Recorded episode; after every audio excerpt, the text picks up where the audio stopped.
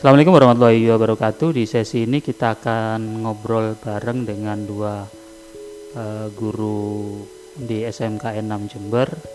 Satu dengan Bu Ike, Ibu Ike, Bu Ike ya, Iya. Ike, dengan Bu Ike, benar. guru RPL. Selamat siang Bu Ike. Selamat siang Kak. Oke, kemudian yang kedua kita akan ngobrol bareng dengan Bu Ayu. Selamat siang Bu Ayu. Selamat siang Pak. Oke, eh, di sesi ini yang kita akan obrolin karena kebetulan dua dua guru muda ini eh, mengajar mata pelajaran eksak. Satu di produktifnya dan satu eh, Bu Ayu ngajar ngajar materi eksak kan? Eksak eksak dalam artian mata, mata materi IPA kan? Kayak IPA ya, hanya di Iya, SMK kan? IPA Pak. Nah, Bu Ayu ngajar ngajar materi apa? IPA. IPA I- IPA ya, IPA. memang Emang disebutkan IPA. IPA, gitu aja Iya. ya. Oke. Nah, kita akan ngobrolin eh, apa sih bedanya di mata pelajaran mata pelajaran eksak di SMK ini di di eh, dari sudut pandang yang berbeda karena kita akan kita akan dengarkan dari sudut pandang yang beda dalam artian gini satu kalau Bu Ike itu dia sebagai guru produktifnya Iya. kemudian Bu Ayu eh, normatif adaptif Iya. Nah itu itu bedanya apa gitu.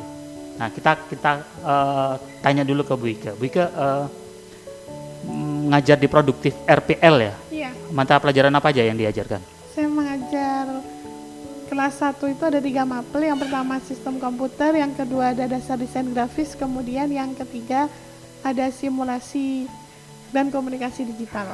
Simulasi dan Iya. komunikasi digital ya. Ya, untuk yang kelas 11 sama kelas 12-nya saya bukan produk eh ya sama ya, produktif juga, tapi PKWU-nya. PKWU-nya. Iya, produk kreatif. Berarti jurusan apa eh, siswa yang diajarkan semua siswa RPL. RPL ya. Iya, Oke. siswa Tapi materi-materi tentang tentang eksak ya, karena kan Iya. di teknologi ya. Iya. Eh, backgroundnya Bu Ike dulu Saya dari lulusan S1 Pendidikan Teknik Informatika. teknik informatika. Iya, U- Universitas Universitas Negeri Malang. Oke. Itu eh, dari Bu Ike. Sekarang kita tanya ke Bu Ayunya. Bu Ayu ngajar mata pelajaran IPA di jurusan apa aja? Di jurusan BDP Pak. 1 2 3 4. Di BDP, BDP bisnis aja. daring dan pemasaran, ya. Pemasaran, ya. Berarti eh, di jurusan lain nggak ngajar? Ngajar tapi bukan mapel IPA. Oh, tapi eh, Mm-mm, ada. ada ada juga. Tapi ba- backgroundnya Bu Ayu, eh, Bu Ayu, Bu Ayu eh, keliru. Ingat eh, ke, eh, buka pesek aja.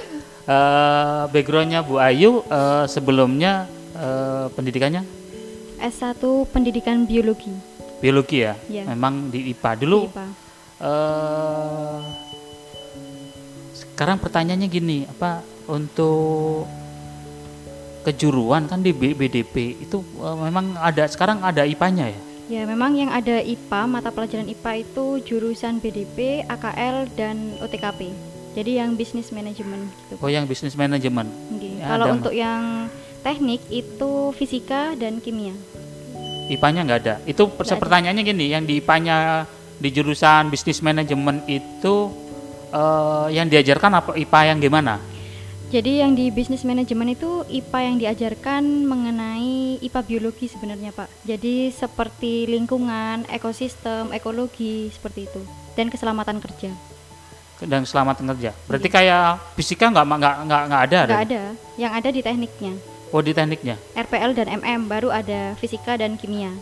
Oh kayak gitu. Itu yang membedakan ya materi eksaknya Iya. dia lebih lebih lebih khusus ya. Khusus. Ah. Nah sekarang gini pertanyaannya, eh emang nggak kita nggak apple to apple sih nggak nggak komparasinya nggak begitu tepat sih. Tapi sekarang kita mau tanya, eh Bu Ayu pernah ngajar di jurusan selain bisnis manajemen nggak? Pernah, Di jurusan kayak RPL, MM. pernah. Nah sekarang pertanyaannya gini, eh mudah mana mengajarin anak anak bisnis manajemen atau ngajarin anak non bisnis manajemen untuk pelajaran IPA-nya? Sebenarnya kalau dari jurusan itu memang sangat mempengaruhi. Kalau misalkan saya membedakan antara jurusan akuntansi dengan jurusan BDP, bisnis daring dan pemasaran itu sangat-sangat berbeda, Pak. Jadi pada saat saya mengajar di akuntansi, itu anak-anak responnya sangat cepat. Hmm. Jadi mereka sangat aktif sehingga saya juga semangat gitu, Hmm. lebih semangat gitu karena mereka banyak bertanya gitu. Tapi kalau pada saat saya mengajar BDP memang sangat berbeda karena mereka lebih banyak pasifnya dan sedikit eh, susah diaturnya seperti itu. Oh, karakter ya. Karakter, Ah. memang karakter seperti Memang ini. butuh energi ekstra emang. Nggih, Oh. memang. Dan biasanya kalau energi kita eh, dengan energi ekstra itu ketika kita sukses ngajarin BDP misalnya atau jurusan yang memang dalam tanda kutip Mhm. kelasnya Luar biasa. spesial luar biasa itu apa ya eh, ketika kita sukses itu di sana itu wah, Luar biasa sekali. luar biasa gitu loh karena memang ketika kita bisa munculkan orang-orang hebat dari dari sana itu memang kita jadi jadi benar-benar jadi guru gitu loh. Ya benar Pak. Nah, eh, untuk Bu Ika, Bu Ika eh, selama ini pernah nggak ngajar selain selain jurusan RPL? Untuk sementara ini sih belum pernah ya Pak ya. Menggantikan pun juga belum pernah. Jadi dari dari saya masuk di sini 2018 itu saya memang fokusnya di RPL saja.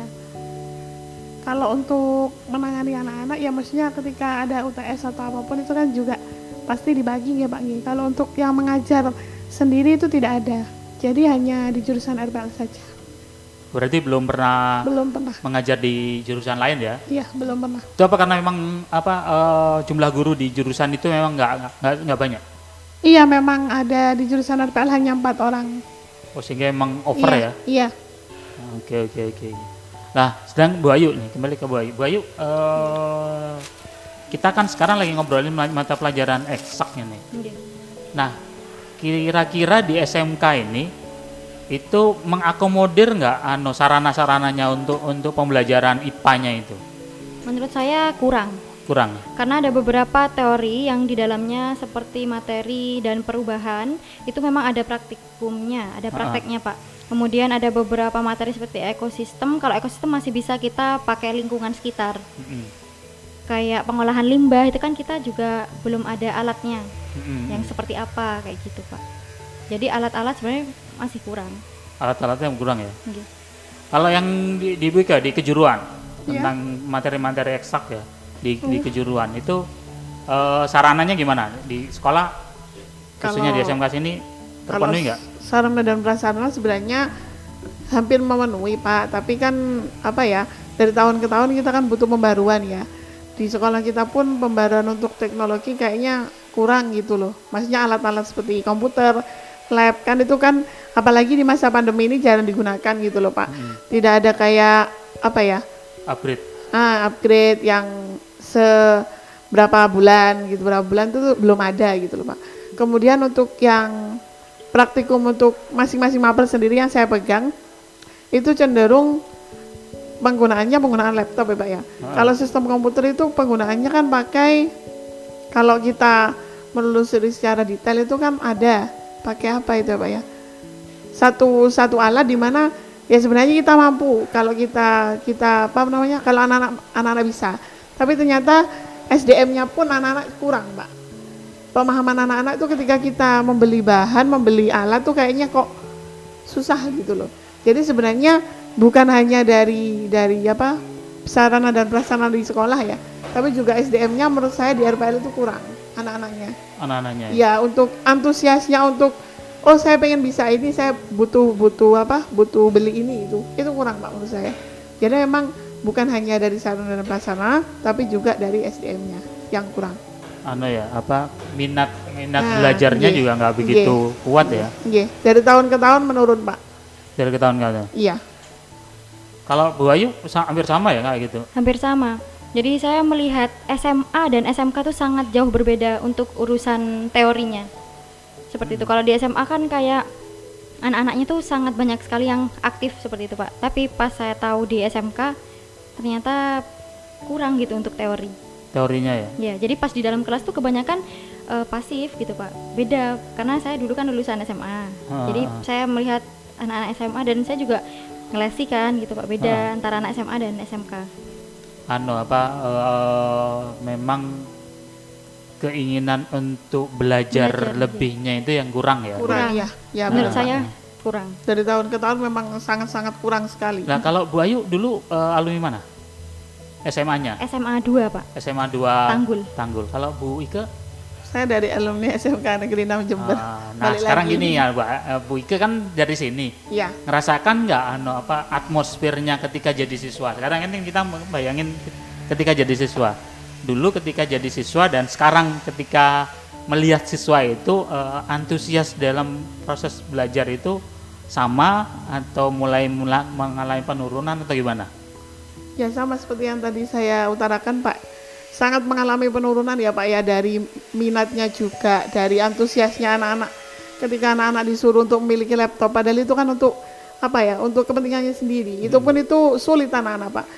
Mereka itu sekarang malah merasanya, oh ya sudah saya saya sekolah, yang penting saya sekolah, saya masuk, ya sudah lulus lulus atau enggaknya ya pasti saya lulus gitu. Anak-anak merasanya seperti itu sekarang Pak. Kalau melihat dari apa ya dari sisi saya dulu sama sekarang ya pak ya atmosfernya atmosfernya sangat beda banget kemudian untuk apa namanya jam belajar pun saya merasa padahal anak-anak itu sudah dikasih waktu sampai jam 3 gitu ya pak ya tapi ketika anak-anak jam kos dulu dulu di tahun saya jam kos itu saya kok merasa ada yang hilang gitu kan nah anak-anak sekarang tuh merasa jam kos tuh Wah happy ya? ha, happy banget gitu loh. Kok saya rasa ketika guru sakit, guru guru berhalangan hadir, kok anak-anak itu bahagia gitu loh pak. Ya itu. Kalau dari teknologi ya memang kan teknologi selalu berkembang ya pak. Iya. Dari zaman saya pun ya memang beda gitu pak. Hmm. Kalau sekarang anak-anak sudah belajar lebih dari saya. Kalau dulu kan saya masih ecek-ecek gitu ya istilahnya pak ya. Untuk tapi untuk bakat minatnya sangat-sangat rendah kalau sekarang. Anu ya, mengalami penuh. Padahal Nggih. tahun-tahun terakhir ini eh, kalau kita ngomongkan pendidikan, pendidikan sudah mulai digratiskan gitu. Nah, Iya, ya itu pak. Nggih. Apa karena digratiskan kemudian jadi semangatnya juga ya, rendah gitu. ya mungkin itu pak Bisa salah jadi. satu faktornya gitu jadi kan anak-anak juga bebas ya sekarang apalagi kayak anak-anak wisuda gitu sudah online kan gitu ya anak-anak sudah ah ya udah wong kakak kelas juga nggak Jadi nggak ujian aja lulus gitu Iya nggak begitu Gitu. anu ya. Iya, Ibaratnya sudah nggak ngeluarin eh nggak ngeluarin apa-apa itu nggak nggak Nah. merasa rugi berarti ya. merasa Nah, rugi. nggih, Benar-benar ya. nggih. Ya emang kadang kita juga butuh trik khusus sih karena emang ketika semua kita sebenarnya ada untungnya sih gratis tapi kalau ngelihat antusiasnya dari siswa juga Iya benar Menurun. jadi menurun, Menurun. gini kan kita kasihan juga gitu. Iya Siap, benar Pak. Oke, eh, saya kira itu dulu di sesi ini. Eh, terima kasih Bu Ayu atas kehadirannya di podcast SMP 6 Pak. Jember. Terima kasih Bu Ike. Eh, Pak. memang kita tidak bisa menuntut banyak di di selama pandemi ini, tapi kita berharap di masa pandemi ini ada banyak hal baru yang kita bisa bisa buat dan banyak hal baru yang kita bisa apa ya eh, kita share biar dapat manfaatnya di semua amin amin ya amin. Demikian saya akhiri. Terima kasih semuanya. Wassalamualaikum warahmatullahi wabarakatuh. Waalaikumsalam warahmatullahi wabarakatuh